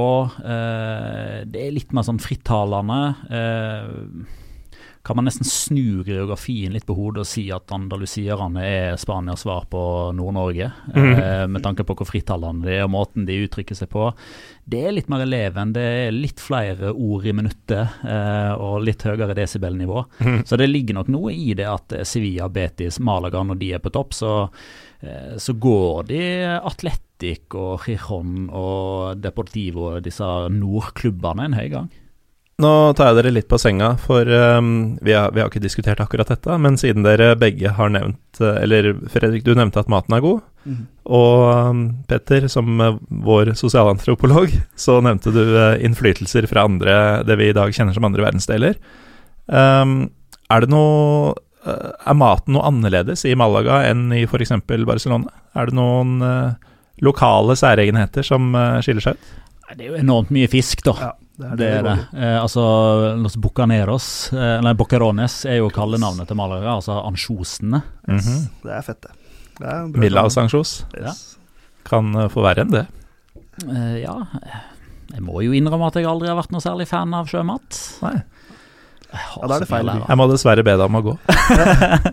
Eller så kan du ta med meg på en god restaurant og vise meg hva jeg går glipp av. Ja. Ja. Kan uh, spise blekksprut i um, Ljubljana hvis du vil. Eller et annet sted. Ja, okay. eller, eller et annet sjødyr, hvis vi skal begynne litt mildere. Ja, jeg tror vi begynner litt mildt. Med en fisk, kanskje. Eh, fisk har jeg faktisk klart å håndtere. Mm. Ja, krabbe har jeg forsøkt meg på, og så tror jeg det stopper der, altså. Ok, Ja. okay nei, men da, da har jeg litt å jobbe med. Du har veldig mye å jobbe med. Jeg skal gnage Det, litt på det, den. det er litt som å ta over Malaga eh, for øyeblikket. Mm. Nei, men jeg har noen eh, ideer som vi kan ta på bakrom her. Um, hva, hva med deg, Fredrik? Hva er dine um, uh, Tidligere har det kanskje innimellom vært fotballen. Nå vil jo ikke det være høydepunktet på en fremtidig Malaga-tur uh, med Jo det første. Jo da. Det, det vil det? Ja da. Det er alltid, klubben betyr så mye for meg at uh, selv om det, uansett hvor det måtte befinne seg i divisjonssystemet, så er det klubben eh, betyr eh, alt, sånn sett, altså. Ok, men la oss si at du da drar på en kamp og gleder deg til den og Yes. treffer gamle kjente og den pakka der, men eh, så har da juniorlaget til Malaga, som nå stiller fordi de har solgt alle spillerne sine, ja, det, tapt. Hvordan Hvordan ordner du opp i følelsene dine i Malaga etter en sånn opplevelse? Nei, altså det um, Jeg er jo historieinteressert, da, så det er jo mye, mye man kan uh, bruke tid på for å eh, ikke tenke på det negative rundt fotballen. Mm. Så er det også en annen fotballklubb eh, i Malaga som er en sånn typisk eh, Det er veldig liten klubb, det er eh, liten bydel, veldig sånn bydelsfølelse. Og et veldig fint område generelt òg, som det går an å gå eh, og se mye fint. Og fotballen er Det er El Palo heter det stedet, da. Eh, det er jo en tercera-klubb allerede, kanskje, skal man si. Så eh, nei, altså det man kan se Picasso, man kan se arkitektur fra romertida opp til i dag. eh, De satser veldig på eh, type Soho for Malaga, mm -hmm. kunstnerstrøk og eh, Så de satser på mange forskjellige områder, og det er en by som har gjennomgått en veldig forandring eh, fra å være på en måte et høl som folk flydde til, og så dro de videre langs kysten og andre steder, til å Mm. være verdt turen selv, da, alene. Så det er en veldig fin by. Eh, min hjemby nummer to, pleier jeg å si. Så det er eh, Jeg anbefaler absolutt en tur, også utenom fotballsesong.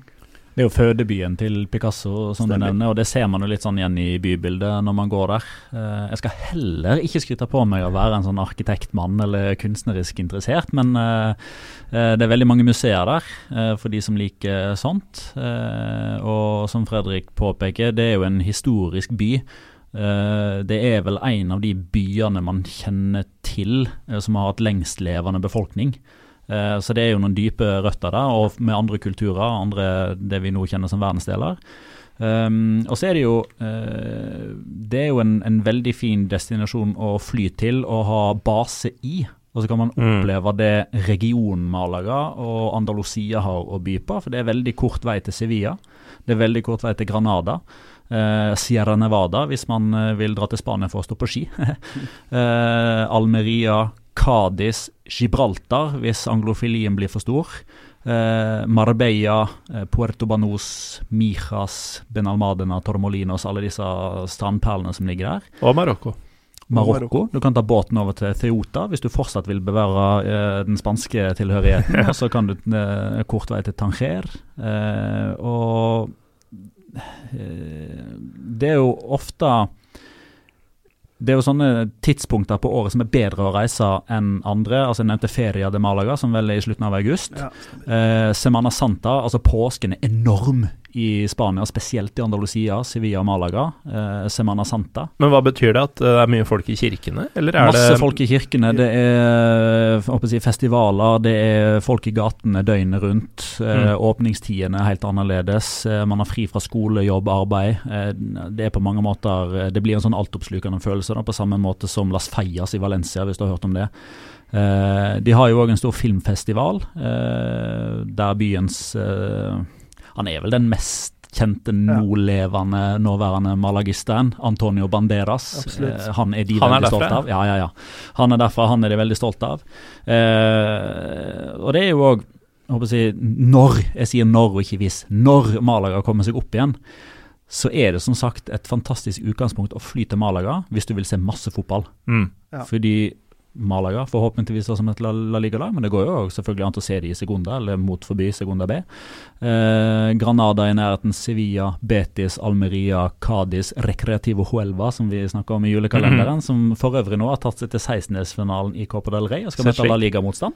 Ja, apropos det. eh, nå har jo du hatt litt sånn tørke fra La Liga i det siste. Det har vært eh, Altså hvis landslagspause er det man kaller en tid hvor man tar pause for å spille landskamper, så har det nå vært cuppause i Spania. ja. Um, og så har jeg jo sett noen bilder her og der hvor uh, det er masse folk og masse lidenskap. Um, Cupen i Spania, hvor eh, viktig er den? Det, den har gjenoppstått litt nå, fordi det er et nytt format. Eh, tidligere sesongene, gjennom hele den perioden jeg har kjent eh, spansk fotball, så har det vært sånn at eh, alle La Liga-lag har kommet inn i eh, 16-delsfinalen med hjemme- og bortekamp. Mm. Altså Hjemme- og bortekamp er drepen hvis du vil ha askeladder. Ja, klart. Eh, Det er vel egentlig altså Hvis man ser den franske cupen, til dels i FA-cupen, litt i ligacupen, i den tyske cupen, så kommer liksom eh, de store overraskelsene litt sånn eh, Om ikke på løpende bånd, så er ikke det sånn at du sperrer opp øynene hvis det er et nivå to eller tre lag i en kvartfinale eller semifinale. Spesielt, spesielt ikke i den franske. Men i Spania så er det vel kun Mirandés i 2011-2012, tror jeg, som har vært et ikke-La Liga-lag, og de var attpåtil fra nivå tre. Mm. Men de måtte da gjennom hjemme- og bortekamp mot tre forskjellige La Liga-lag for å kunne klare det, så prestasjonen er jo enorm. Men nå har man eh, ikke tatt alle grepene som er nødvendige, men i hvert fall noen grep for å gjøre det lettere, fordi det spilles enkeltkamper, og alle kampene spilles på hjemmebanen til lag fra lavere divisjoner. Mm. Så det gjør jo at man får sånne folkefester som vi snakker om i FA-cupen og i første og andre runde i cupen. Man liker iallfall å snakke om det her i Norge, og så har det kanskje blitt litt utvannet med årene. Men det blir liksom det samlingspunktet der man kan få, eh, sånn som man f.eks. får nå da, i 16-delsfinalen, så får du Unionistas til Salamanca, som i utgangspunktet spiller på en stadion som tar 3000. Der håper de nå å få godkjennelse fra kommunen for å få bygd 4500 midlertidige seter. Utvidet fra tre til sju og et halvt. Fordi Real Madrid kommer på besøk. Mm. Eh, og jeg videreformidla jo òg et klipp fra Twitter-kontoen til eh, Unionistas, der det sitter spillere, eh, trenere, eh, andre som jobber i klubben, familiemedlemmer og supportere, sitter i et lokale, følger trekninga, og de trekker Real Madrid, og det ser ut som de har rykka opp på den eh, jubelen. Ja. Fordi det, det, de får besøk av Real Madrid. Hvem skulle trodd det? Eh, jeg nevnte Cultura Leonesa tidligere, som er den Qatar eh, Aspire Academy eide klubben fra litt nord i landet. De trakk jo Real Madrid i 2016, de trakk Barcelona i 2018, og nå trakk de Atletico Madrid. Så i løpet av fire år så har de hatt de tre store på besøk. Mm. Eh, så man er på vei i riktig retning i form av å eh, få litt av magien tilbake igjen i den spanske Mm. cupen. Som jo gjør at Recreativo nå skal møte Osasona. Helt nydelig. Da er vi eh, ved veis ende. Vi har holdt oss under halvannen time. Yes. Så takk Gud for at ikke du har prøvd å sette deg ordentlig inn i den der situasjonen, Petter. For da hadde vi sittet her til kuene kom hjem. Da, da tror jeg det nesten hadde blitt uh, Malagas tiår uh, sekund for sekund. Det hadde tatt ti år. Det hadde, hadde fort det. Vi har eh, klart oss på godt under ti år. Og um, Fredrik, du har jo debutert i Ja. eh, Pyro Pivo, og også i podkast, hvis jeg skjønte deg riktig Ja, stemmer. tidligere. Stemmer. Åssen uh, syns du det har gått? Nervøs i uh, forkant, men det har gått uh, overraskende greit, det. Hvordan vil hm? Ja, det vil jeg si. Jeg er uh, ikke overraska, men jeg er enig i at det har gått uh, veldig fint. Uh, Petter, hvordan vil du rangere debuten til Fredrik? Jeg leverer like bra muntlig som skriftlig, så er solid terningkast. Takk for det. Bunnsolid. Takk for at du tok sjansen på å være med, Fredrik. Og, du er hjertelig velkommen tilbake en annen gang også. Så får vi håpe på en kjapp opptur både for det ene og andre laget du Yes. holder med. Eh, takk også til deg, Petter Wæland, for at du som vanlig sier ja umiddelbart når jeg spør om du vil være med. Skulle bare mangle, det er bare gøy. Ja, Du, du har ikke noe bedre å ta det til? Det er ikke sånn at du har kone og unger og jobb og Nei. joggeturer? Eh, nå, nå kom jeg på en ting. Mm. Eh, for Fredrik nevnte tidligere i dag at han hadde nærmest fått beskjed av Eirik Sandum at han skulle nevnes. Mm. Eh, jeg har ikke fått den beskjeden, eh, men jeg vet at han liker å bli nevnt. Uh, Jonas Giæver har jo for øvrig Ja, der kom det. Han har jo for øvrig vært i toppen av et pariserhjul uh, i Malaga nede ved havna. Han er ikke så veldig glad i høyder. Mm. Jeg har aldri sett en mann så hvit. sånn. Hvor, hvor høyt er det pariserhjulet? Det er helt vanlig størrelse. Jeg Ja. vet ikke hvor høyt det er. en Men er, er det sånn at du 40-30-40 meter. Føler du at du står i en kurv, eller er det sånn ganske godt opp med vegger og Nei, det, du kommer deg ikke ut derfra med mindre du har et brennende ønske om å dø. Ja, da, Ja. da må vi bruke det mot Jonas Men han eh, er snill og flink og ekstremt flink i fotball, da, så vi må skryte litt. Ja, ja. Men høyder, det håndterer han ikke bra. Ja, og jeg eh, hadde jo en eh, Jeg hadde altfor mye fri i romjula. Så lille nyttårsaften, tror jeg det var, så satt jeg hjemme og holdt på å gå på vegga, så jeg bestemte meg for å ta en sånn pub-til-pub-runde. Eh, som jeg da eh, live-tweeta nærmest. Og hvem tror du var den eneste som gadd å komme ut og møte meg? Jonas Giæver. Det var Jonas Giæver. Ja, men det er Jonas Giæver et nøtteskalle. Han er uh, hel ved. Bra mann. Ja da. Han, uh, han er ok. Uansett, takk Petter og Fredrik for at dere var med. Takk til alle som hører på, for at dere hører på. Takk til meg, Morten Gallaasen, og takk til alle som følger Pyro Pivopod på Twitter og Instagram. Ha det, ha det.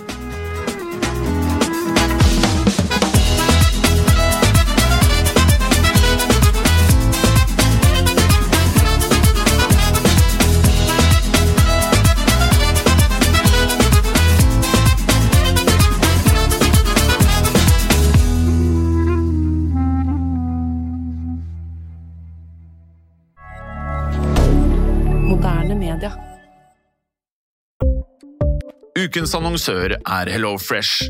HelloFresh er verdens ledende matkasseleverandør og kan være redningen i en travel hverdag. Mange av oss har nok vandret i butikken både sultne og uten en plan for middagen, som ender med at vi går for de samme kjedelige rettene gang på gang. Middag burde være dagens høydepunkt. Som HelloFresh kan du nå velge mellom 25 ulike retter hver eneste uke, eller få HelloFresh til å sette sammen menyen for deg. Dette gir deg muligheten til å prøve nye og spennende retter alene eller sammen med familien. Du velger antall porsjoner og får alt levert på døren på et tidspunkt som passer for deg. Oppskriftene er enkle, og maten er lett å lage både for store og for små.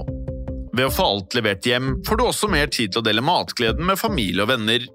Kanskje det frister med asiatiske tacos eller greskinspirert kylling? Da kan jeg anbefale deg om å gå inn på hellofresh.no. Her kan du bruke koden FOTBALL og få opptil 1779 kroner i rabatt på de første fem matkastene hvis du ikke har prøvd HelloFresh tidligere. Du kan også bruke rabatten hvis du har vært kunde og stoppet abonnementet ditt for tolv måneder siden eller lengre. Gå inn på hellofresh.no og bruk koden FOTBALL. Har du et enkeltpersonforetak eller en liten bedrift? Da er du sikkert lei av å høre meg snakke om hvor enkelt det er med kvitteringer og bilag i fiken, så vi eh, gir oss her, vi. Fordi vi liker enkelt. Fiken superenkelt regnskap.